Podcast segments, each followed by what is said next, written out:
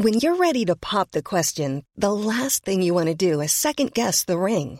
At Bluenile.com, you can design a one of a kind ring with the ease and convenience of shopping online. Choose your diamond and setting. When you find the one, you'll get it delivered right to your door. Go to Bluenile.com and use promo code LISTEN to get $50 off your purchase of $500 or more. That's code LISTEN at Bluenile.com for $50 off your purchase. Bluenile.com code LISTEN. Hey, I'm Ryan Reynolds. Recently, I asked Mint Mobile's legal team if big wireless companies are allowed to raise prices due to inflation. They said yes. And then when I asked if raising prices technically violates those onerous two year contracts, they said, What the f are you talking about, you insane Hollywood ass? F- So to recap, we're cutting the price of Mint Unlimited from $30 a month to just $15 a month. Give it a try at mintmobile.com slash switch. $45 upfront for three months plus taxes and fees. Promo for new customers for limited time. Unlimited more than 40 gigabytes per month. Slows. Full terms at mintmobile.com. Hi, I'm Daniel, founder of Pretty Litter. Cats and cat owners deserve better than any old fashioned litter. That's why I teamed up with scientists and veterinarians to create Pretty Litter. Its innovative crystal formula has superior odor control and weighs up to 80% less than clay litter. Pretty Litter even monitors health by changing colors to help detect early signs of potential illness. It's the world's smartest kitty litter. Go to prettylitter.com and use code ACAST for 20% off your first order and a free cat toy. Terms and conditions apply. See site for details. Hei og velkommen til en ny episode av Becoming. I dag har jeg fått med meg en gjest inn i mitt liksom virtuelle studio som jeg har gledet meg så sinnssykt til å møte. For jeg hørte nemlig om denne gjesten her lenge før jeg visste hvem hun var. Jeg hørte om hun fordi hun har en evne til å inspirere andre mennesker til å følge sin egen drøm. Du vet kanskje hva jeg snakker om? Jeg snakker om Therese Alseike, også bedre kjent som Mor Therese.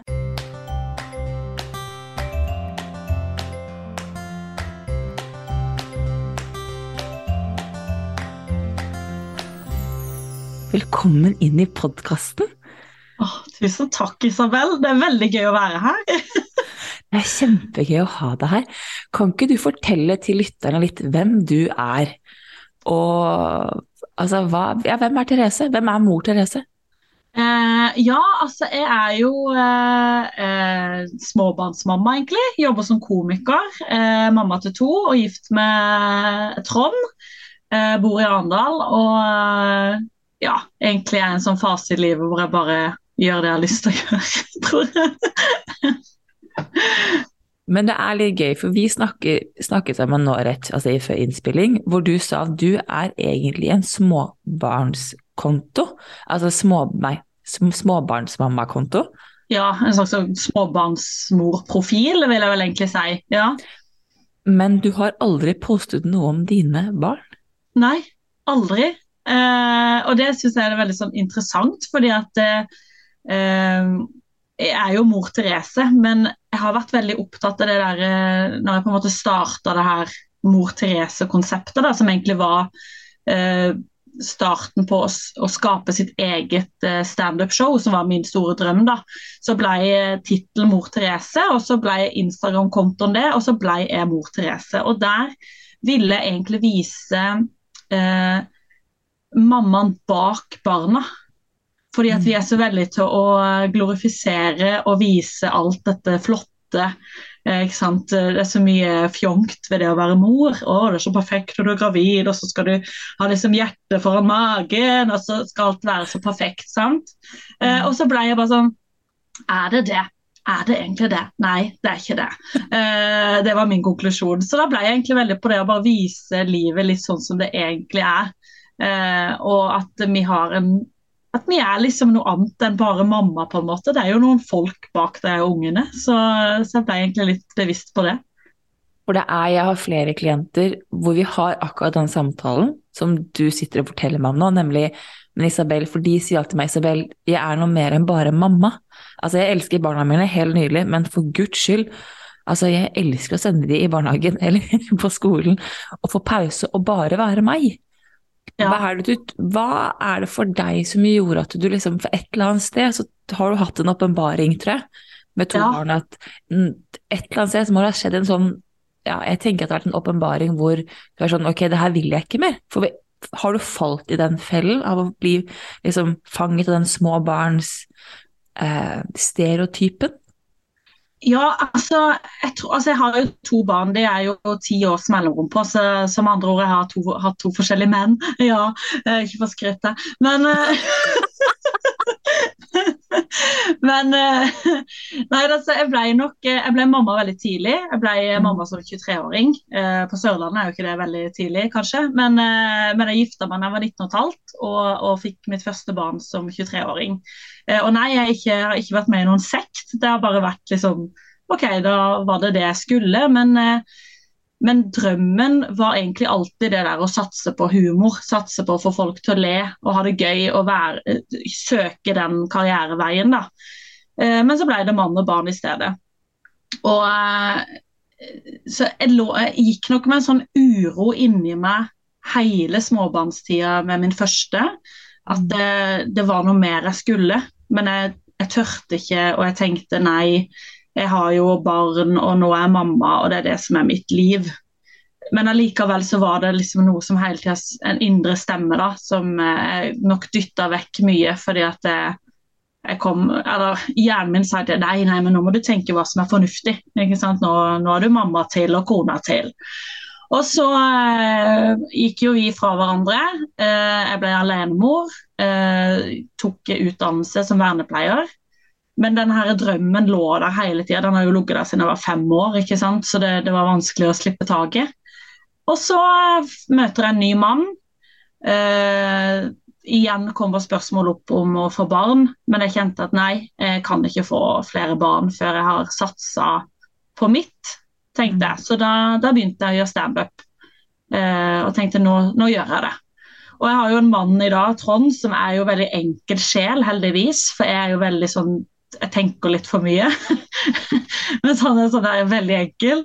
Så jeg tørte liksom å åpne meg for han da, og si eh, min store drøm i livet det er å underholde. Det er å stå på en scene eller være på TV eller liksom bare få folk til å le. Det er alt jeg drømmer om. Og så sier han ja, kan du ikke bare gjøre det, da? Og jeg bare Så jeg, jeg ble bare sånn Hæ? Hva er det du snakker om? Jeg kan jo ikke det? Liksom, jeg bare, ja, du er jo over 18 år, du kan jo gjøre hva du vil. Uh, OK. Så det ble liksom så enkelt, da. Og så, uh, så kjører han meg inn til Oslo, og så, og så dytter han meg ut i dette, denne verden, da. Uh, så han har ganske mye å si for at jeg har tørt å, å ta skrittet og ha den støtten hans i ryggen har vært veldig, veldig viktig for meg. det er så interessant å høre andre mennesker til litt sånn hvordan de kommer ut i det, for jeg opplever at alle mennesker trenger at noen tror på deg. Ja. Fordi vi har våre egne begrensninger som vi setter på oss selv. Og jeg, du sa, jeg syns det var en ganske fint sagt, for det blir veldig beskrivende, du sa jeg var mamma til og kona til. Mm. Jeg kan ikke være standup-komiker, jeg kan ikke være mor Therese som jeg er i dag, fordi jeg, er, jeg har en rolle for to andre. Mm. Og så er det plutselig som at når du, mens den indre stemmen, den fem år gamle Therese inni deg, sitter og bare skriker bare Drit i mann og barn! La oss bare ja, kan vi ha det gøy? kan vi ikke ha det gøy vi står på scenen? Og så er det interessant for meg at du sier at du tar utdannelse i å bli vernepleier, for det er også en omsorgsyrke. Ja. Så det er som at nå som du skal få lov til å arrestere meg her, altså, jeg tenker jo at man går så inn i den omsorgsdelen som vi tror kvinner er, da. Mm. At den skapelsesdelen, den humordelen, den selvstendige karrierekvinnedelen Vi tror ikke hun eksisterer. Nei. Og så er og så er det litt som at vi setter de begrensningene på oss selv inntil det kommer noen utenfra og så er sånn Ja, men gjør det, da. da mm. som er bit ja. da. Som blir litt sånn Ok, kjør. Ja, rett og slett. Og det, det, er jo det som er, for vi har så mange sånne eh, tanker på ja, men hva om ikke det går? Hva om ikke jeg får det til? Hva om økonomien raser? Hva om ditt? Hva om datt? Eh, og så er det mange dører som blir stengt, og så, og så føler du på sånn motstand. Iallfall jeg føler på. Jeg har jo drevet med standup i sju år. Eh, har på en måte fått mye motstand, mange dører som har vært stengt. og jeg har bare tenkt er det det her jeg skal, liksom? Skal det være så hardt? Skal det være så tungt? Eh, men så kom jo koronaen, og da ble jo alle scenene stengt. Og da fikk jeg på en måte en litt sånn OK, er det det her jeg skal gjøre, eller er det kanskje nå jeg skal få barn, eller hva, hva er livet mitt nå? Fordi Trond hadde jo lyst på eget barn, og jeg følte nok litt inni meg at jeg må gi han det barnet.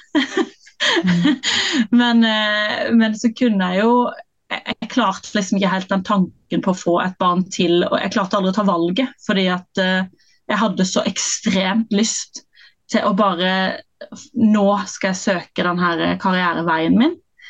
Men så kom koronaen, og så ble jeg litt sånn OK, eh, nå er det ikke så Det er jo ingen scener å stå på. Eh, hvis det er meninga at vi skal få barn, så la det skje nå, liksom. Eh, og så blir jeg gravid. Eh, det gjør man jo fort når man ikke har prevensjon, på en måte. Eh, så, så, det var jo meninga, det. Eh, det, er også du ser på, da. Men så blir jeg gravid, men så blir jeg òg eh, veldig syk, for jeg får da svangerskapsdepresjon. Eh, noe som òg er noe som ikke blir snakka om. Det er veldig sånn tabubelagt å snakke om at du, eh, du, er gravid, men du elsker ikke barnet du bærer. Eh, har ingen følelser for barnet. Eh, hater livet. Eh, forsvant i en vanvittig mørk dal. hvor jeg igjen bare sånn Hva er det jeg driver med, liksom? Eh, nå blir jeg gravid igjen, og jeg igjen hopper inn i denne verden hvor jeg bare skal være mamma. I tillegg så føler jeg at jeg hater livet mitt. Jeg hater å være gravid. Jeg hater barnet jeg bærer. Um, så det var veldig tungt. Men når jeg da kom ut av det, uh, for det slapp jo heldigvis når ungen ble født, så var svangerskapsdepresjon over. Mange går jo over i fødselsdepresjon, men jeg slapp heldigvis unna det. Uh, får jeg spørre, får du noe hjelp når du går med svangerskapsdepresjon? Så blir det tatt på alvor, eller er det bare sånn at bare du må holde ut? Det blir jo tatt på alvor, for det er jo når du Altså, jeg var jo i jobb, da var jeg jobb som vernepleier, Eh, og jeg var jo ikke i stand til å jobbe. Så da måtte jeg jo til legen og få sykemelding, så jeg måtte jo være ganske ærlig på det. Eh, og hun var en sånn fantastisk lege, for hun, hun skjønte det at vi gidder ikke å prate så mye om den babyen når du er her. Eh, for jeg hata jo den babyen, ikke sant. Så, så, det var veldig fint å gå til legen og få den hjelpa. At du bare må gjennom de, de der standard eh, måling og sjekke at alt er bra. Mm. Og så var det liksom sånn, hadde sykemeldt igjen, og så var det hjem og være deprimert videre, da.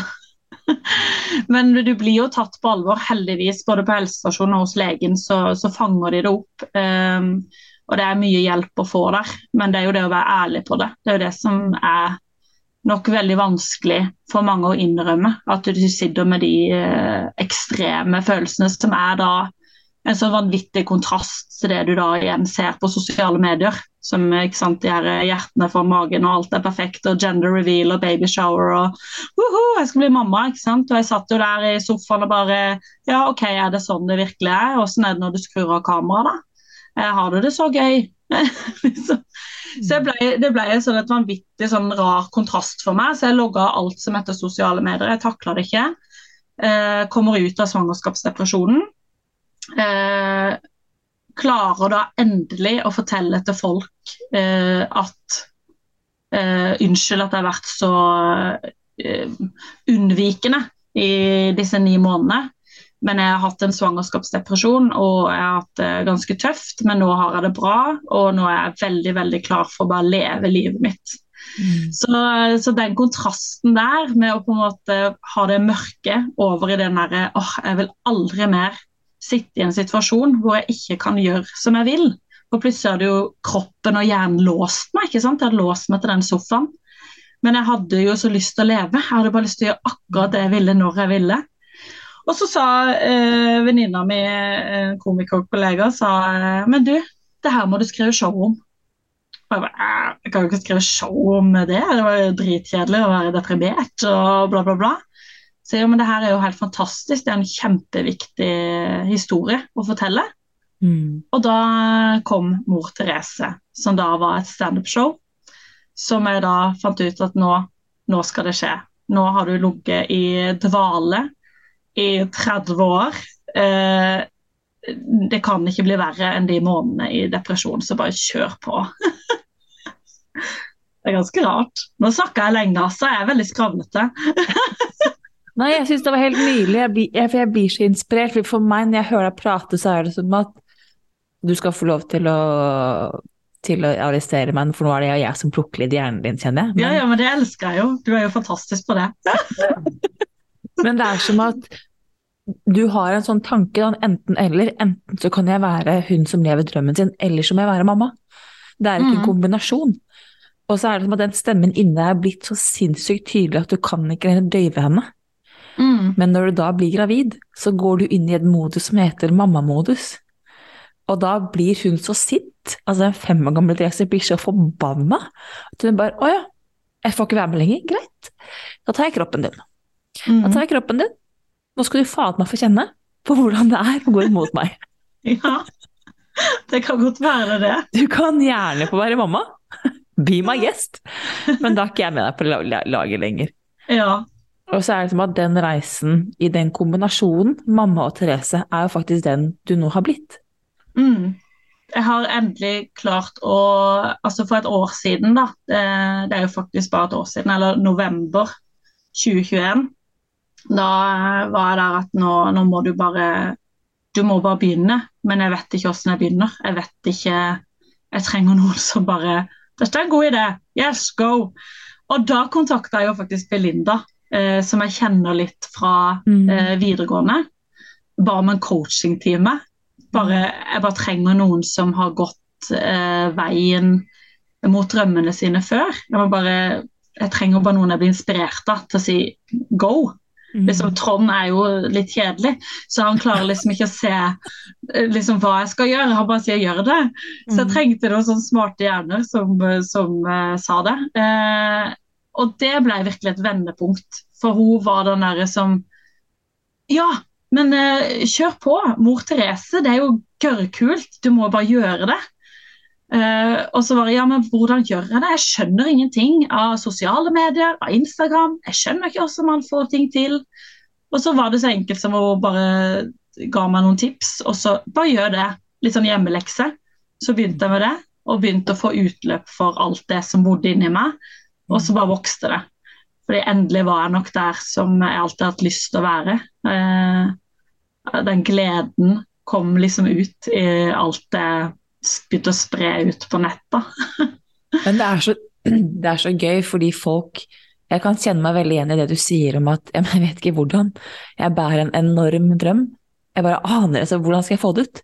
Mm. Jeg er jo bare liksom, meg som sitter her liksom, i, en, i en leilighet ingen som vet hvem jeg er. Og så mm. er det faktisk bare så enkelt som å gjøre det. Mm. Du må ut, og så må du poste på sosiale medier, og så må du begynne. Ett sted av gangen. Og det er her jeg tror en av de store utfordringene til veldig mange er at de tror at det er noe som heter overnight success. Mm. Altså, men det fins ikke. Fordi det er de små stegene du gjør hver dag. Det er jo det faktum at du, du bare begynte å poste på sosiale mm. medier og bare begynte å gjøre det som gjør at folk har fått opp øynene for hvem du er. Mm. Ja. Men det kommer jo ikke over natten. Det er ikke som du plutselig vet at, vet at du nå har fått ditt, og det er så gøy, du nå kjører ditt eget faktisk soloshow. Ja, faktisk. Så den drømmen har jeg faktisk gått i oppfyllelse. Ja, det, det, er kjemperart å tenke på. Og da er det jo Den kommer jo ikke over natten. Det tilbudet kom jo ikke over natten, og det showet ble ikke til bare sånn og der gikk jeg fra mandag, fra søndag morgen til mandag. Ah, soloshow! Mm. Det, du måtte jo ha en jobb, og jeg kan se for meg at du, for du har sagt det, du møtte mye motstand. Du har måttet jobbe deg gjennom utfordringer på veien helt sikkert både i det å bygge eget show, men også bare det å starte. Mm. Absolutt, det, men jeg merka nok det at når jeg plutselig begynte å gjøre ting det, Du vet hvordan det er når du, du føler at du kan sitte oppe hele natta og jobbe. Mm. Eh, du glemmer liksom tid og sted, og ingenting betyr noe, for du er bare helt på din rette frekvens. da. Mm. Sånn ble det når jeg begynte å skrive tekster og lage reels. og eh, Jeg måtte lære meg masse ting. måtte lære meg eh, jeg kunne jo ingenting. Du må jo markedsføre, f.eks. De fleste har jo et management rundt seg. Jeg gjør alt sjøl. Så det er den derre ekstreme sånn lysten til å få det til. Eh, mm. Men jeg tror jeg, har, jeg, er nok litt sånn utålmodig sjel. Så den her eh, prosessen her dette året har vært veldig sånn eh, Jeg har vært veldig mye bedre til å sette meg sjøl først. Eh, og det var det faktisk Belinda som sa til meg. Og når du sier det til en mor, sett deg sjøl først. Er du gal i hodet? Jeg, har jo, jeg har jo skapt to barn, selvfølgelig skal de komme først. Og så, så er det sånn Nei, eh, det, det, går jo ikke, liksom. Du må jo faktisk for at, for at unge, altså, skal, det, skal ungen dine ha det bra, så må jo mamma ha det bra. Og det ble veldig sånn øyeåpne for, for meg. At liksom Hæ, skal jeg sette meg sjøl først? Det er jo veldig rart. Det har med liksom masse generasjoner av kvinner bak oss som aldri har gjort. Det har alltid vært mann og barn først, ikke sant. Mm. Så det var nok en sånn Jeg måtte gjennom en sånn veldig sånn stor samvittighetskneik der. På i det hele tatt bare liksom Her skal jeg skal jeg ta meg den timen fri til å kjøre rundt i bilen og høre på podkast? Jeg må jo egentlig eh, rydde og, og holde på og lage niste og, og, gjøre masse greier for ungene mine. Men så var det den timen der da ga meg liksom påfyll, eh, motivasjon, inspirasjon. Og så kommer jeg hjem med en sånn derre 'Her er mamma! Yay!' Ikke sant? I stedet for at det bare blir en sånn der Ja, nå har jeg rydda i dag òg, så det er jo gøy. Det gjør jeg jo hver dag. Så, så den der eh, lille sånn Så det har jeg blitt veldig bevisst på. Å liksom alltid sette av litt egen tid. Eh, for det har jeg aldri gjort før. Og det er, det er, egentlig veldig gøy at du sier det, fordi jeg tror at det her er jo mammarollen er jo for veldig, veldig, veldig mange mennesker veldig begrensende. Men det å prioritere seg selv, sånn mm. generelt, det er noe av det vanskeligste i hvert fall vi kvinner kan klare å gjøre. Det er som at det blir den mest egoistiske handlingen. Men jeg tenker på at det er det, er det som kreves, da. Mm. Har du lyst til at det skal skje en endring, så må du faktisk tørre å prioritere deg selv. Ja. Og det vi ikke helt skjønner, er at ok, du har to små barn, men da er en fem år gammel Therese inni deg som mm. skriker etter oppmerksomhet. Ja, Virkelig. Oppriktig som er sånn 'Jeg har en drøm, Therese! Jeg vil ut!' Det er noe her! Det er noe her! Kan ja. jeg bare få vise deg det jeg har visst siden jeg var liten? Altså, please, bare la meg få lov til å være fri! Ja, det er litt sånn. Og så det er jo det derre, og det er jo her jeg tror at vi er ikke lært opp til det. Og så er jo mammarollen også den rollen bortsett fra kropp, da, som kvinner å kjenne på mest skam rundt. Mm. Fordi vi er så flinke til å fortelle hvordan du skal være mamma. Mm. Det er sånn 'Å ja, men du er mamma sånn, du, eller?' Nei. Mm. Det er ikke riktig måten å være mamma på. Men hvis jeg, altså som en utenforstående, hvis jeg skal være mamma på den måten som er riktig, så ender jeg på å bli martyr. Helt ærlig. Jeg ja. ser at det, jeg blir en martyr eh, som skal ofre meg selv til døde. Og det som er at mine barn, når jeg får de om et par år, eh, så vil de lære det sånn jeg oppfører meg. Altså, de hører jo ikke det jeg sier, de gjør jo det jeg gjør. Mm. Skal vi bryte den generasjonen hvor mammarollen blir så trang, så tenker jeg at da må vi jo tørre å være annerledes. Men det å være annerledes og bryte ut, det krever mot. Ja, det er jo ganske tøft, fordi at du må, du må eh, bore deg gjennom masse, masse samvittighet, masse eh? Mødre er jo flinke til å gi deg råd som egentlig er stikk, ikke sant. Eh, så du, du er De der eh, velkjente eh, rådene, de der velmenende rådene som kommer fra ja. siden? Å, og du lar han sove sånn, ja. Å, ja, ja, ja. Nei, jeg gjorde jo ikke det, vet du. Jeg jo Ja vel. Det blir litt den derre Tørre å si litt ifra på at sånn jeg er. Og mm. ungene mine har det bra, og jeg har det bra, og vi har det bra. Eh, om, da, om, du da har ungen eh, sovende i senga litt til den er liksom åtte, ja vel. Så lenge alle sover, så er vel det greit. Mm. Altså Det er noe med det der å passe inn i boksen hele tida, som du sier. da, At vi mm det er, det er veldig mye sånn fasade, og det er mye vi føler at vi må leve opp til når, så fort vi blir gravide. Mm. Eh, så jeg, jeg ville nok på en måte skape en slags kontrast til det, bare liksom si det som det er. Eh, og for å kunne være det, så måtte jo jeg være ærlig med meg sjøl. Hvem jeg er. Ikke sant? Hva, hva, hvem er jeg egentlig? Eh, nå kan jeg f.eks. si til meg sjøl eh, høyt og tydelig og til venner og sånn at jeg er ikke skapt for eh, å ha masse barn. Jeg. jeg trodde kanskje det nå en gang. ikke sant? Vi er fire søsken. Jeg trodde jo det at det er jo mitt liv, for det er jo jeg liksom født og oppvokst i. Mm. Men så er det liksom, jeg er ikke skapt for å ha masse stress i livet. og jeg syns det er ganske greit å ikke ha liksom to tette og, og alt det der. Så, så det er liksom finne din, din eh, Ja, altså være den mammaen du føler passer best for dine barn. Om det er helt forskjellig fra, fra venninna di eller hvordan mammaen din gjorde det, så, så ja vel, du må gjøre det som er best for deg.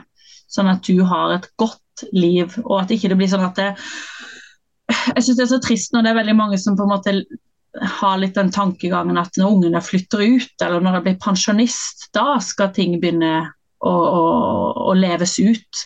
Og så sitter jeg men herlig, jeg vet jo ikke om jeg blir pensjonist. Jeg har ikke peiling. Jeg må jo leve mens jeg kan.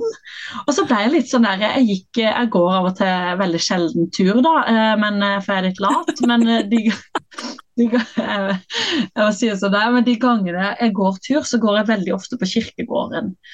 Og så vet jeg ikke om du er du noen gang og går tur på kirkegården, Isabel? Nei. Nei, Det bør du begynne med. Det er ganske interessant, skjønner du. For da begynte jeg å, å kikke litt på um, gravstøttene. Det her var i denne perioden hvor jeg var i denne endringsfasen. da. Og så ser jeg på en del gravstøtter som er sånn fra 40-tallet. Og Da har du ikke sant, mannen, eh, står tittelen, f.eks.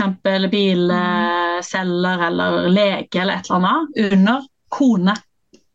Eller hustru, da, som det sto på den tida. Hustru. Og så gikk det opp for meg. Jeg har ikke lyst å være, leve et liv hvor jeg da skal dø, og på gravstøtta mi skal bare stå at jeg var mamma og kone. Nei. Altså, det er jo ikke greit. Så det var liksom sånn det øyeåpnet jeg fikk på veien. bare sånn, Neimen herlig, jeg skal jo være mer enn det. Tenk, ikke sant, Men det er jo ikke lenge siden. Det var veldig vanlig å bare være kone. Og bare være mamma. Vi er nok i en sånn generasjon med kvinner nå som tør å utfordre seg sjøl og, og gå egne veier og er litt trygge i seg sjøl. At vi faktisk fortjener den plassen eh, som vi er på en måte skapt til å være. Da. Om, du da, om din store drøm er å være mamma og være det fulltid, go! Kjør på. Mm. Det handler ikke om det, men det handler mer om det der at hvis, hvis det skal stå i veien for den du egentlig er, da, da på en måte lever du jo litt sånn eh, Ja, jeg, jeg trengte iallfall å finne en, en balanse der eh, på å være begge deler. At vektskåla blir litt jevn inni meg, på en måte. Du skal faktisk ikke gå altså, Du må huske på at kvinners frigjøring den er ikke så gammel, den er faktisk Nei. ganske ung.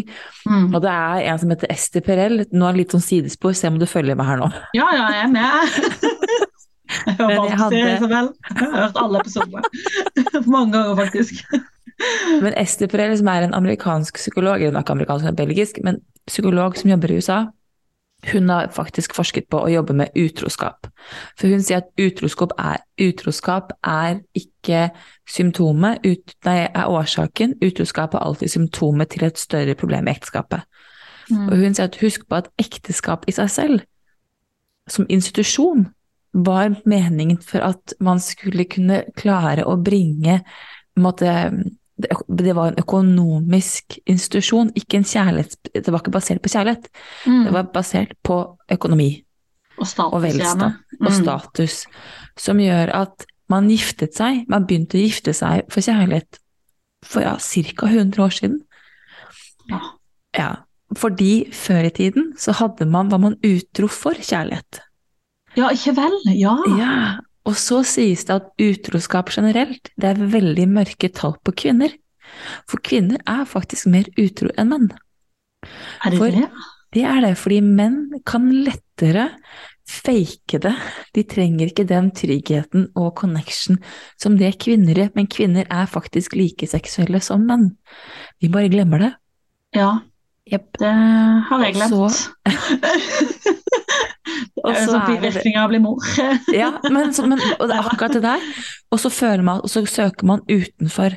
Og så snakker hun om at du må huske på at med, i tillegg til prevensjon, når den kom, så kom det en seksuell frigjøring som kvinner ikke har sett maken til. Som gjør at vi kvinner plutselig har fått enda flere valg enn det vi har hatt. Altså, på underkant av 100 år, så er det ganske mye som har skjedd med kvinner generelt i samfunnet. Mm. Men det vi har glemt, er at de begrensningene som våre forfedre har gått i, de må vi faktisk bryte oss igjennom. Mm. Fordi på lik linje, for det er nå egentlig det jeg er litt nysgjerrig på, du er fra Sørlandet, du er gifter deg når du er 19 15. Mm. Um, og jeg kan jo bare se for meg at for deg å skulle ta den kampen mot morsrollen på Sørlandet, i den hvor det her er, er normalt, eh, normalt, men hvor det er litt um, Hvordan sier jeg det på en pen måte? Det er mer vanlig å gifte seg ungt her, egentlig. Ja, det er, det, er, det er, vanlig å gifte seg ungt, det er vanlig å få barn ungt. Det er en forventning om at det er det du skal gjøre. Og jeg kan se for meg at Du skal få korrigere meg nå, men jeg kan se for meg at for deg så er det fremmede mennesker som har heiet mest, og nærmeste familie, og så er det de menneskene som halvveis vet hvem du er. Det blir ofte de som kommer med den kommentaren. Mm. Og du gjør det, Therese. Hvordan... Er du sikker på det? Er du sikker ja. på at det er så lurt å si opp jobben din? Du har jo en fast og trygg jobb i kommunen. Mm. Du må jo være der for alt. Du må være der til å bli pensjonist. Mm. Ikke sant? Det er der, de stemmene der, ja. Som du og hører hvordan, på og hører på. Mm. Og hvordan du da bryter ut av det, da. For liksom det er en Jeg tror det vil skje en endring hos kvinner, og det vil skje en vekst. Men vi skal ikke glemme hvor vi har vært. For det er så viktig å vite hvor vi har vært, skal du klare å finne ut av veien videre. Tror jeg, mm. i hvert fall. Det er det jeg kjenner på for egen del. Ja, absolutt, jeg er helt enig. Og det er jo noe med, ikke sant, eh, for min del, da, at jeg, jeg sier jo opp jobben min, jeg sa opp i sommer. Jeg gjør alle disse trinnene som er kjempeskumle, kjempevanskelige. Eh, for å da tråkke ut i en jobb som er i et kjempemannsdominert miljø. Mm. Hvor, eh, hvor, du bare vet at uh, her kan det bli vanskelig å, å komme igjennom. Uh, og Det er det som er litt sånn interessant å se uh, hvis man begynner å se på underholdningsbransjen. Der det er utrolig mange menn som er representert. Ser du en standup-plakat, så kan det være fem menn og én kvinne. ser du begynner å se på TV, så er det veldig ofte to menn som er i duoer. Du har Hellstrøm og Truls. Du har eh, Dag Otto og, og Christian. Husker, ja. Du har så mange mannlige duoer. ikke sant? Du har eh, Thomas og Harald, du har jo bodd masse år i USA, så det er ikke sikkert du vet hvem de her folka er, men Altså Thomas og Harald? Senkveld med Thomas og Harald, det var gøy, altså. Ja, kjempegøy, og det er ingenting med det, men det er noe med på en måte vise dette mangfold, uh, mangfoldet. At uh, mm. som uh, kvinne i standup-bransjen, så er det noe med at du føler ofte på at du bærer hele kjønnet ditt på ryggen. Hvis jeg driter meg ut på scenen, så er det synonymt med at jenter ikke er morsomme. Ikke sant? Det, er der, det er så få plasser til oss jenter. Så det, måte, det har jo vært en sånn veldig motivasjon for meg. At eh, jeg skal gjøre det her, og jeg skal heie på andre kvinner. Jeg skal hjelpe andre kvinner opp og fram, for jeg tror veldig på det at jo mer kvinner som blir synlige i alle forskjellige yrker, mm. jo mer normalisert blir det. Jo lettere blir det for nestemann å ta det skrittet. Fordi at det er helt normalt. Fordi at det er jo masse kvinner i det yrket. Det er jo masse kvinner som står på scenen. Eh, plutselig en dag så trenger vi ikke bli kalt for kvinnelige komikere, vi ble bare kalt for komikere. Det hadde vært veldig gøy. Mm. ikke sant? Så det er noe med den derre eh, Vise at, uh, at vi kan at vi kan heie hverandre fram og støtte hverandre. Det tror jeg har ekstremt mye å si uh, for neste generasjon. Nå er jo mamma til en jente. Vil gjerne at hun skal føle at hun kan gjøre hva enn hun vil. Mm. Uh, og at ikke det at hun er jente er noen begrensning. Men jeg lurer på én ting. Fordi det å være Jeg lurer sikkert på flere ting, men én ting jeg har lyst til å prate om, er jo kvinnelig komiker.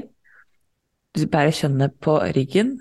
Mm. Hvordan er Og jeg kan bare se for meg at eh, hvordan er det å skulle måtte være hun brautende, høylytte, litt rappkjefta kvinnen på scenen som tør å gå dit andre mennesker ikke går, som hvor gutta kanskje får et form for free pass til å gjøre akkurat det, mens hvor vi kvinner skal ikke helt sånn, Therese. Litt, litt, mindre brautende, litt mer ikke så direkte, ikke så grov. Litt det, Da har du inn Altså sånn hvordan, det, hvordan, har du hatt eierskap til det å faktisk være energisk brautende standup-komiker? Um, Eller kanskje brautende er feil ord, men var Nei, nei, altså jeg var nok Jeg har nok hatt min reise i det òg. At jeg fikk mye sånn kommentarer på at eh, jeg var for vulgær i begynnelsen. Uh, som er liksom bare her, jeg skjønner ikke helt uh, Jeg er vulgær. Jeg hørte der nettopp eh, runkeringen som var foran meg her, og alle gutta.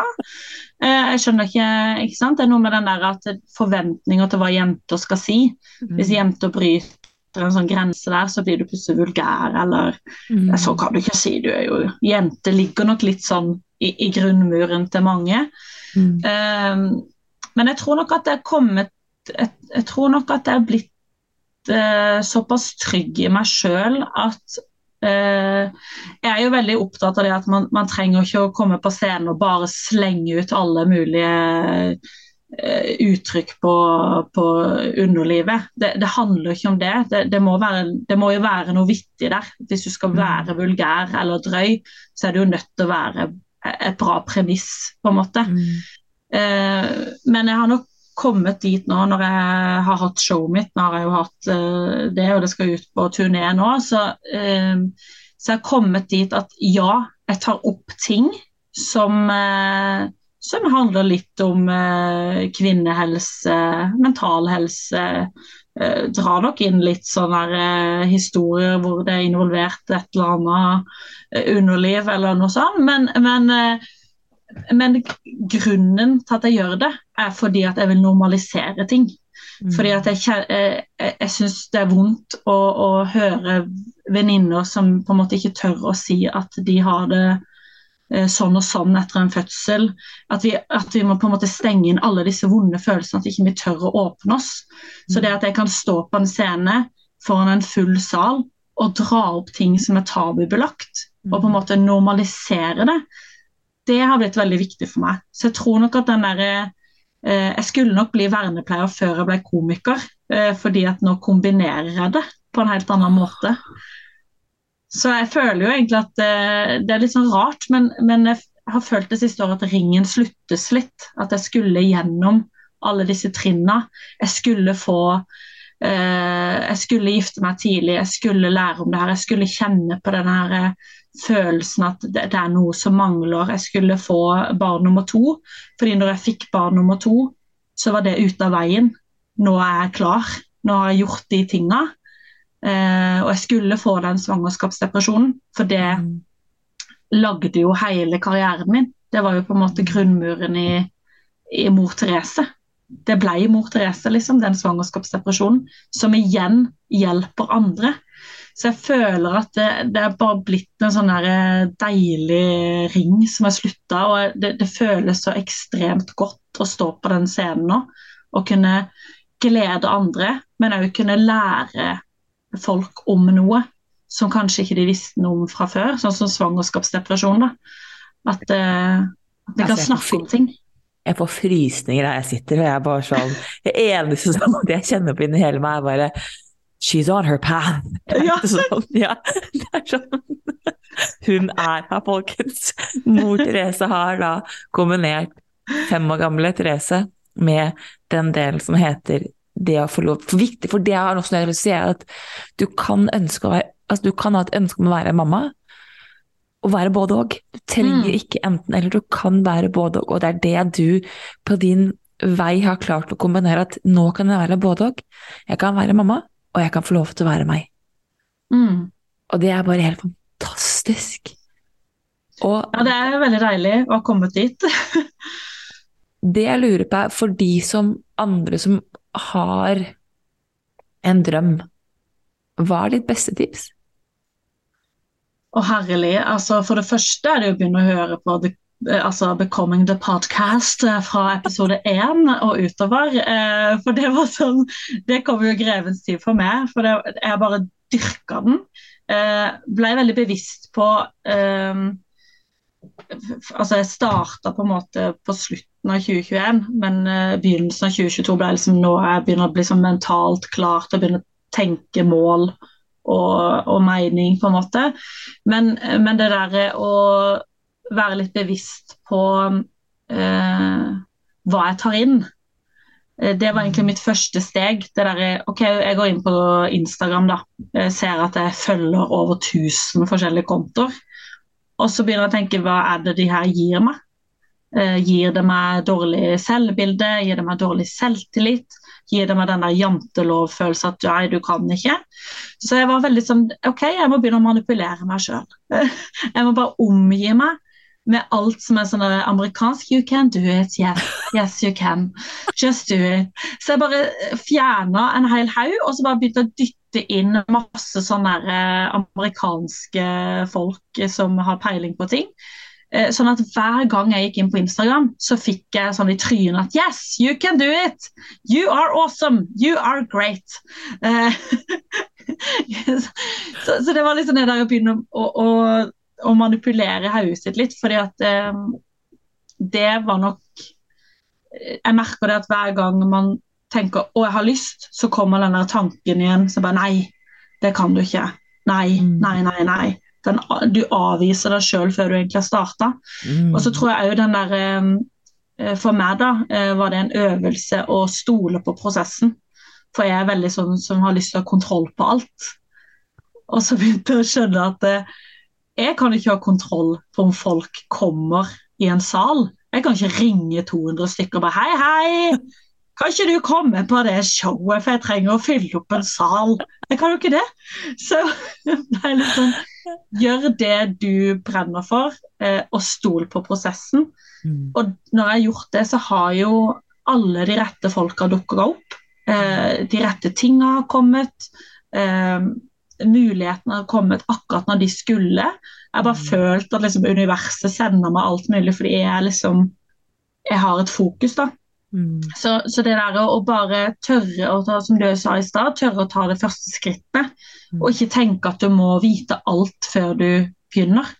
Eh, fordi du lærer det underveis. Jeg hadde ikke peiling på hvordan man lagde en plakat. Sant? Jeg, måtte jo bare, jeg måtte jo bare begynne et sted. Og så spør du folk om hjelp, og så kommer folk og, og sier 'kan jeg hjelpe deg?' før du har spurt. Så, så jeg tror det er det aller, aller viktigste. Jobb med den der eh, hva du på en måte tar inn, hva du tenker om deg sjøl. Gi deg de der eh, minuttene hver eneste dag til å fylle deg med noe som gir deg glede. Mm. Og, og, det, det har ekstremt mye å si. Eh, Bare det lille, For meg er det jo å kjøre. Kjøre rundt, drikke en energidrikk og høre på en podkast som inspirerer meg. Eller sette på Sissel Kyrkjebø med 'Seilen lyser over jord' og så danse på gulvet. Da blir jeg så glad, og så, og så fylles jeg med masse god energi. Og så, og så smitter det på et eller annet vis. Um, Og det er der, for du sier det egentlig veldig fint, du sier det på sånn veldig sånn ned på bakken-måte, men du begynner å dyrke deg selv og begynner å ta vare på ditt eget forhold til deg. For det jeg opplever, som veldig mange mennesker kan kjenne på, er at de står på startstreken, de vil veldig gjerne, og så er det at man ser rundt seg, bare Men kan noen si hva jeg skal gjøre? Kan noen bare Mm. si hvor jeg skal gå? Og så er det sånn eh, Du må stole på din indre stemme. Nei, det gidder jeg ikke. Jeg spurte ikke om noen bare fortelle meg hva jeg skal gjøre. mm, Noen bare gjør det for meg. Altså sånn, ja, men du må gjøre det selv, du, du må gå av Nei, men kan noe Fordi da jeg begynte å lytte til meg, og var sånn ok, hva vil du, Isabel? Hvordan vil du gjøre det? På din måte. Så igjen begynte ting å skje. Jeg skal ikke Mm. kopiere alle andre, jeg skal være meg. Men det er Jeg syns det. Forbanna vanskelig innimellom være meg. Jeg syns det er skummelt. Mm, For jeg har som deg et altså jeg, jeg pleier å si at jeg er med i anonyme kontrollører. Fordi, for jeg er ekstremt jeg har et ekstremt kontrollbehov. Det er helt krise innimellom. Ja, jeg Helt kjenner meg igjen. Ja. Og så sånn, jeg, hadde ikke, jeg hadde ikke bare ringt disse dumme menneskene. Jeg hadde, jeg hadde sagt om du sitter ved siden av han og hun. Så la Ja, meg vel. fordelt til er rommet. ja. Ja. Så organisert publikum som går i Friends. Ja, ja, ja. Så Ja, bare le, le, le her og her og her, og gjør Ja. sånn og sånn og sånn. Ja, du hadde jo da- ansatt sånne folk til å le. Ja, fordi jeg, jeg var så redd for hva skjer hvis jeg bare lar meg selv stå i prosessen. Mm. Men det var da jeg lot meg selv gå i prosessen at ting begynner å skje. Mm. For da begynner det å skje på måter jeg aldri trodde var mulig. Ja, og det er jo det som er at eh, det merker jeg jo at når jeg har tenkt at det er sånn det må være, og så har jeg Mm. sluppet det og så latt det skje, så har det kommet noe bedre. Mm. Gjerne. Eh, og liksom jeg prøver å tenke at det tror jeg nesten er det aller viktigste. Den der, eh, hver gang du får en dør slengt i trynet, så er det så ekstremt vondt. Jeg har fått så mye avslag på å stå på scener og rundt omkring. Jeg har hatt en drøm om å stå på Latter i mange mange år, fått nei på nei på nei på nei. Eh, og så har Det har vært så ekstremt vondt, for det har jo vært en så stor drøm. Men så kom jeg nok i den eh, eh, det siste året at jeg liksom begynte å skjønne det at OK, det skal jo ikke være vondt. Det skal jo ikke være vanskelig. Er det en grunn, det en grunn til at døra ble lukka i fjeset på meg nå? Er det en grunn til denne her, eh, motstanden og dette vonde? OK, stol på at det kommer noe bedre. Eh, og da var det jo på en måte for min del at jeg hadde en drøm om å stå ti minutter på Latter. Og så lar jeg det bare ligge. Eh, stole på prosessen. Og så, eh, når jeg da har hatt showet mitt, hatt premiere, utsolgt fire utsolgte show, ekstraforestilling, masse gode tilbakemeldinger, sender jeg en ny mail. Hei, kunne jeg tenke, kunne jeg tenke deg å ha hele showet mitt inn på Latter, eller? Så får jeg et ja. Og så blir det utsolgt tre måneder før Jeg skal jo ha det 1. april i Oslo. Det er allerede utsolgt. Så den derre å, å prøve å snu et avslag til at det kommer noe bedre. For jeg skulle komme med hele med inn på Latter. Jeg skulle ikke bare komme i ti minutter. Jeg skulle komme i en time og 15 minutter. og, liksom, og, grunnen til at jeg sier det, er ikke for, um, for å virke skrytete, men det er noe med på en måte det er noe jeg har måttet lære meg. At det er, uh, det er alltid en lærdom i de vonde tinga. Uh, det siste året ikke sant, så jeg, jeg, bestemte meg. Nå satser jeg. Kom igjen, let's go. Um, tør ikke helt å si opp jobben. Jeg er jo i ulønna mammapermisjon. Drømmen ligger der. Jeg begynner å jobbe mot showet. Det kommer motstand på motstand på motstand. Mannen min mister jobben. Det skjer et eller annet greie så han ikke får penger fra Nav. Økonomien raser. Eh, forholdet raser. Alt raser. Eh, og da jeg tenker hva skal jeg lære av dette her? Mm. Hva skal jeg lære av dette her? Mm. Og det vi lærte da, var jo kommunikasjon. Det vi lærte da, var eh, økonomi, lage budsjetter, masse greier. Eh, det vi òg lærte, var at eh, drømmejobben hans dukka opp. Eh, for han skulle en annen vei. Vi hadde fått barn, han jobba i Nordsjøen, nå skulle han på land. Nå skulle han eh, være hjemme, sånn at jeg kunne reise. Det var en grunn for det. Mm. Eh, og når han får drømmejobben sin, så tar jeg endelig avgjørelsen at Eller jeg sa det at når du får din drømmejobb, da slutter jeg i min. Da er det tegnet på at nå er tida inne. Han får drømmejobben sin, samme dag sender jeg mail. Hei, jeg sier opp. Så det at liksom alt det der ekstremt vonde, den motstanden som du da kjenner på at Vet du hva, Therese, nå er det ikke tida for å satse på denne drømmen. Bare legg den vekk. Det er du vant med, det har du gjort hele livet. Bare legg den vekk. Få deg en jobb som bare gir eh, penger her og nå. Eh, og bare, nå handler det bare om å overleve. Men igjen prøve å lytte til den indre stemmen. Det er noe mer. Det er noe vi skal lære av dette her. Det er noe som skal gjøre oss sterkere. Og det ble vi. Vi ble så mye sterkere. Hverdagen ble så mye mer strukturert og bra. Eh, og bare tenk at det er en mann som på en måte har en jobb som gjør at han er hjemme, kan ta seg av barn, sånn at kona kan reise på turné. Det er ganske fantastisk. Det var han som reiste fra meg. så jeg var jo egentlig i en situasjon som at denne drømmen min kunne ikke gå i oppfyllelse, fordi at alt var ikke tilrettelagt. Ikke han var vekke to uker. Hvordan skulle vi få dette til å gå opp? Alt falt på plass. Men det så ut som noe feil. Men det var mm. egentlig en gevinst. Er, jeg elsker Jeg bruker veldig mye metafor, altså natur altså Jeg bruker min naturen veldig ofte mot metafor i min egen utvikling, og kaos fra naturens side er aldri kaos. Det er en mm. vanskelig begynnelse eller et ukjent mønster. For naturen setter du Altså, naturen vil, det vil gi mening etter hvert. Sett atomer inn i en boks, container, og i starten vil de gå i alle ulike retninger. Men etter hvert så vil de hele gjengen gå inn i en sånt eh, evighetssymbol, hvor de finner en rytme sammen. Det kalles the butterfly effect.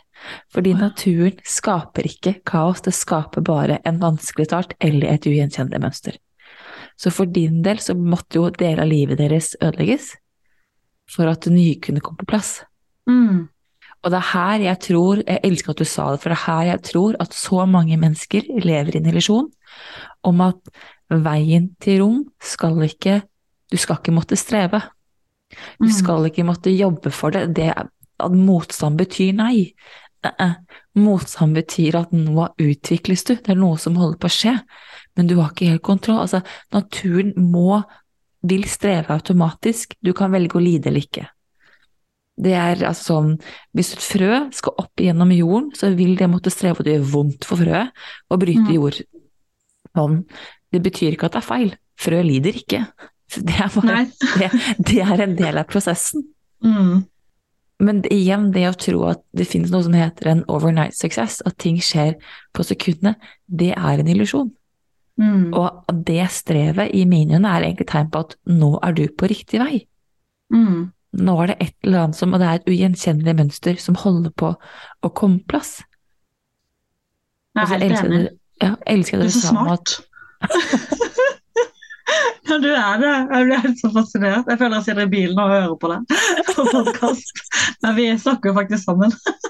Vi gjør det, men jeg syns det er så viktig å huske på, fordi det å være klar over at den motstanden er ikke feil, Mm. Det å kjenne på at det er også en del av, en viktig del av prosessen. Mm. For hvis du tror at veien fra du A kjente på at jeg har lyst til å bli komiker, til utsolgte show har vært en dans på roser, så tar man latterlig feil. Og det er jo som du sier at det er hver eneste bit har vært med på å skape den personen du er i dag. Mm. Og min erfaring er at jo mer jeg tør å sitte i det ubehaget, jo mer jeg ikke gir opp, jo mer jeg tør å forplikte meg til meg selv også gjennom motstanden, jo lettere klarer jeg å jobbe gjennom. Mm. Jo fortere klarer jeg å se at å ja, ok, men det her er det en mulighet, det er et eller annet som forsøker å fortelle meg noe. Du kunne jo fint gitt opp hele komikerdrømmen i når mannen din mister jobben og ting ser ut til å gå til helvete. Ja. Det er jo en fantastisk mulighet til å gi opp. ja, ja. Og det dummeste du- i den situasjonen er å si opp sin egen jobb.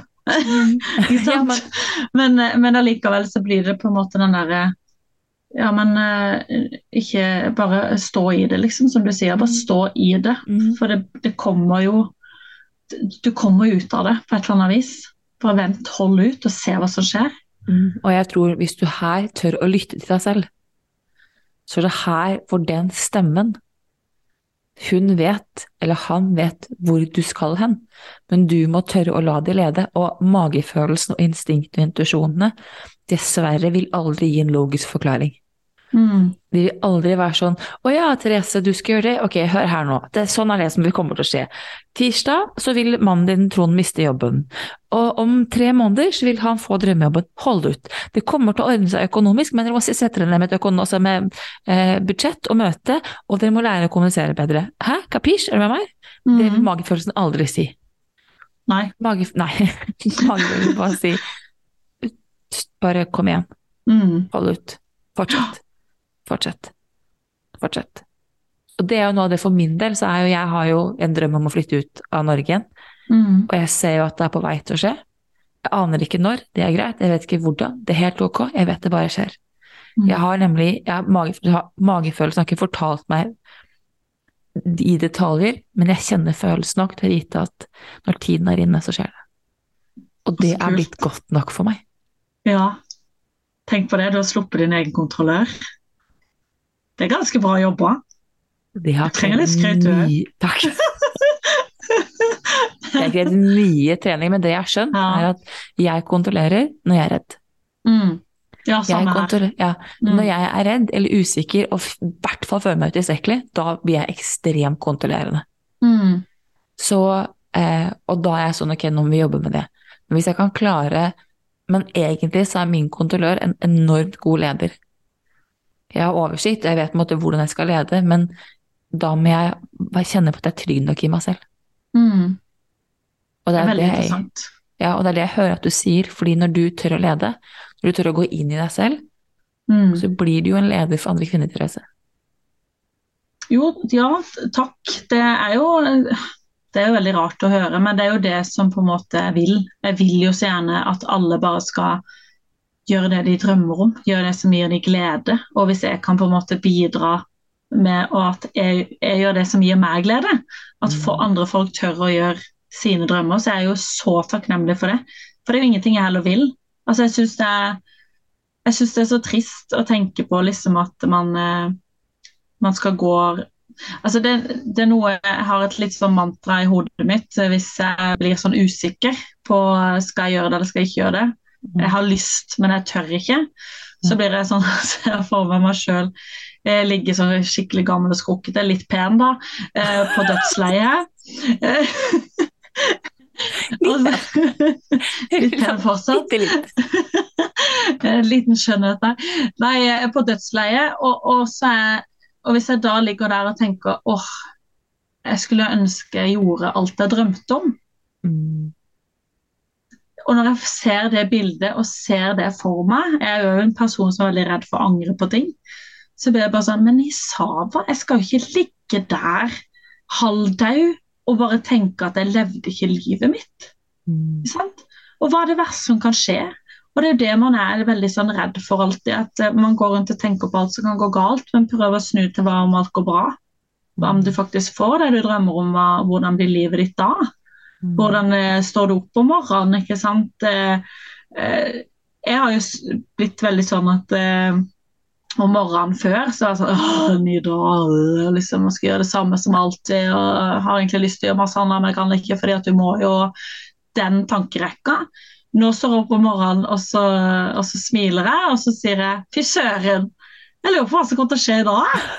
Jeg ser på hver eneste dag som en sånn der forundringspose som vi kjøpte for 25 kroner når vi var små. Mm. Og vi var bare helt sånn ekstase. Shit, hva er det som er oppi her? Mm. Eh, prøv å se liksom på hver dag som den derre Wow, jeg lurer på hvem jeg skal snakke med i dag, hva som kommer inn. Jeg går liksom inn med dagen med en sånn positiv eh, følelse Mm. om at det kommer til å skje noe bra i dag òg. Så den innstillinga har forandra seg helt fordi at det er nok på eh, Har en energi nå som gir meg så mye glede. Jeg har en hverdag som gir meg så mye glede, og jeg møter så utrolig mye mennesker som gir meg så mye glede, og som sier at de, at de syns det er gøy å følge meg på Instagram, eller at de har sett showet mitt og at de ble både rørt og glad. Det at jeg kan på en måte skape følelser hos andre Mm. som er positive. Altså, det er så eh, det, det, det er en sånn en æresfrykt i det, hvis det er riktig ord å bruke. Men det er den derre Jeg er så ekstremt takknemlig for at jeg får lov til det. At jeg kan stå der og glede andre, og samtidig glede meg sjøl. Det er bare en sånn vanvittig fin uh, greie som, uh, som jeg får lov til å gjøre. Så, så jeg er veldig veldig takknemlig for alle de som jeg har møtt på veien, og som bare heier. Så vi må være liksom Vi må være gode med hverandre. Mm. Og kan de heie på meg, kan jeg heie på de. Og vi må inspirere hverandre. Og det gjør vi ved å tørre å bare gå litt utenfor komfortsona. Så skjer det gøye ting. Ja, det gjør det. Ja, Ja. du må bare ha det litt vondt først, og så blir det gøy. Du, du må tåle å leke, Therese. ja, rett og slett. Du, du må tåle å leke. Og det som er, bare for å si det da, i og med at jeg sa- det med, med jobb og, og økonomi og at alt raste, det er ikke sånne ting som jeg på en måte har sagt høyt før. Men jeg, jeg, jeg kom, for det er jo noe med det litt sånn skambelagt, det sant? Mm. Alt er jo skam hvis fasaden raser. raser. Men derfor har jeg lyst til å si det, eh, fordi at eh, det er mange som sitter der eh, og har dårlig økonomi, eller at uh, kommunikasjonen er dårlig i forholdet, og at det på en måte gjør at uh, man, man ikke tør og ikke kan og ikke uh, føler at man bør. Men, men det, er viktig, det er veldig viktig for meg å vise den der at, at vi alle har det dritt, men du må allikevel bare stå i det, komme deg gjennom det. og så blir det bra på andre sida. Mm. Eh, for mitt liv er ikke perfekt, og det er jeg veldig åpen på. Og det er derfor jeg vil være mor Therese, den eh, som ikke er en perfekt mor. Men for de nå som har lyst til å lure på, hvor i alle dager booker de deg? Altså booker de billett til ditt show? Hvor er det, hvor er det du holder For du sa du skal på turné. Hvor drar du? Du, jeg, skal, jeg har booka ti kulturhus eh, rundt på Sør-Norge. Eh, billetter finner man på mortherese.no.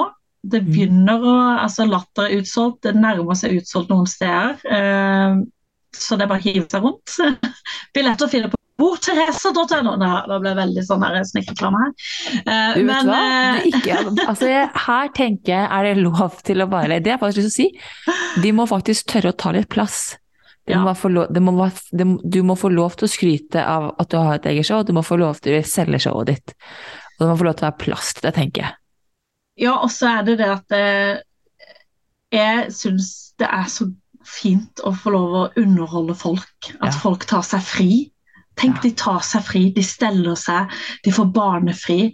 Eh, De tar med seg noen venninner. Noe, Vi får bare eh, klippe og høre på mor Therese. Ja! Det er jo fantastisk. Og liksom det, er, det er så kult og liksom at de kommer inn med forventninger og går ut med en glede. Mm. Og det gjør meg så glad. Så, så nei, det er Jeg er stolt fordi det er ikke bare tull og fjas, det er liksom et humorshow med en dybde. Og det, det håper jeg at eh, kan skape endring hos mange. Jeg vet det skaper endring hos mange. Tusen Takk for at du hadde lyst, takk for at du hadde lyst til å være med i podkasten. Jeg kommer til å linke til Therese med sosiale medier, Instagram, og til eh, mortherese.no i infoboksen, så dere kan sjekke ut. Jeg vil anbefale dere å sjekke ut og bestille billetter før det blir utsolgt. Tusen takk, Får du var med? Åh, en ære. Takk for at jeg fikk være med. Supert. Ha det! Mom deserves the best, and there's no better place to shop for Mother's Day than Whole Foods Market. They're your destination for unbeatable savings, from premium gifts to show-stopping flowers and irresistible desserts. Start by saving 33% with Prime on all body care and candles. Then get a 15-stem bunch of tulips for just $9.99 each with Prime. Round out Mom's menu with festive rosé, irresistible berry chantilly cake, and more special treats. Come celebrate Mother's Day at Whole Foods Market. Ever catch yourself eating the same flavorless dinner three days in a row? Dreaming of something better? Well, HelloFresh is your guilt-free dream come true, baby. It's me, Kiki Palmer. Let's wake up those taste buds with hot, juicy pecan-crusted chicken or garlic butter shrimp scampi. Mm. Hello Fresh. Stop dreaming of all the delicious possibilities and dig in at HelloFresh.com. Let's get this dinner party started. Planning for your next trip? Elevate your travel style with Quince. Quince has all the jet setting essentials you'll want for your next getaway, like European linen, premium luggage options, buttery soft Italian leather bags, and so much more. And is all priced at 50 to 80% less than similar brands. Plus, Quince only works with factories that use safe and ethical manufacturing practices. Pack your bags with high-quality essentials you'll be wearing for vacations to come with Quince. Go to quince.com slash pack for free shipping and 365-day returns. Imagine the softest sheets you've ever felt. Now imagine them getting even softer over time. That's what you'll feel with Bowl and Branch's organic cotton sheets. In a recent customer survey, 96% replied that Bowl and Branch sheets get softer with every wash. Start getting your best night's sleep in these sheets that get softer and softer for years to come. Try their sheets with a 30-night guarantee. Plus, get 15% off your first order at bowlandbranch.com. Code BUTTERY. Exclusions apply. See site for details. Mom deserves the best, and there's no better place to shop for Mother's Day than Whole Foods Market. They're your destination for unbeatable savings, from premium gifts to show-stopping flowers and irresistible desserts. Start by saving 33% with Prime on all body care and candles. Then get a 15-stem bunch of tulips for just $9.99 each with Prime. Round out Mom's menu with festive rosé, irresistible berry chantilly cake, and more special treats. Come celebrate Mother's Day at Whole Foods Market.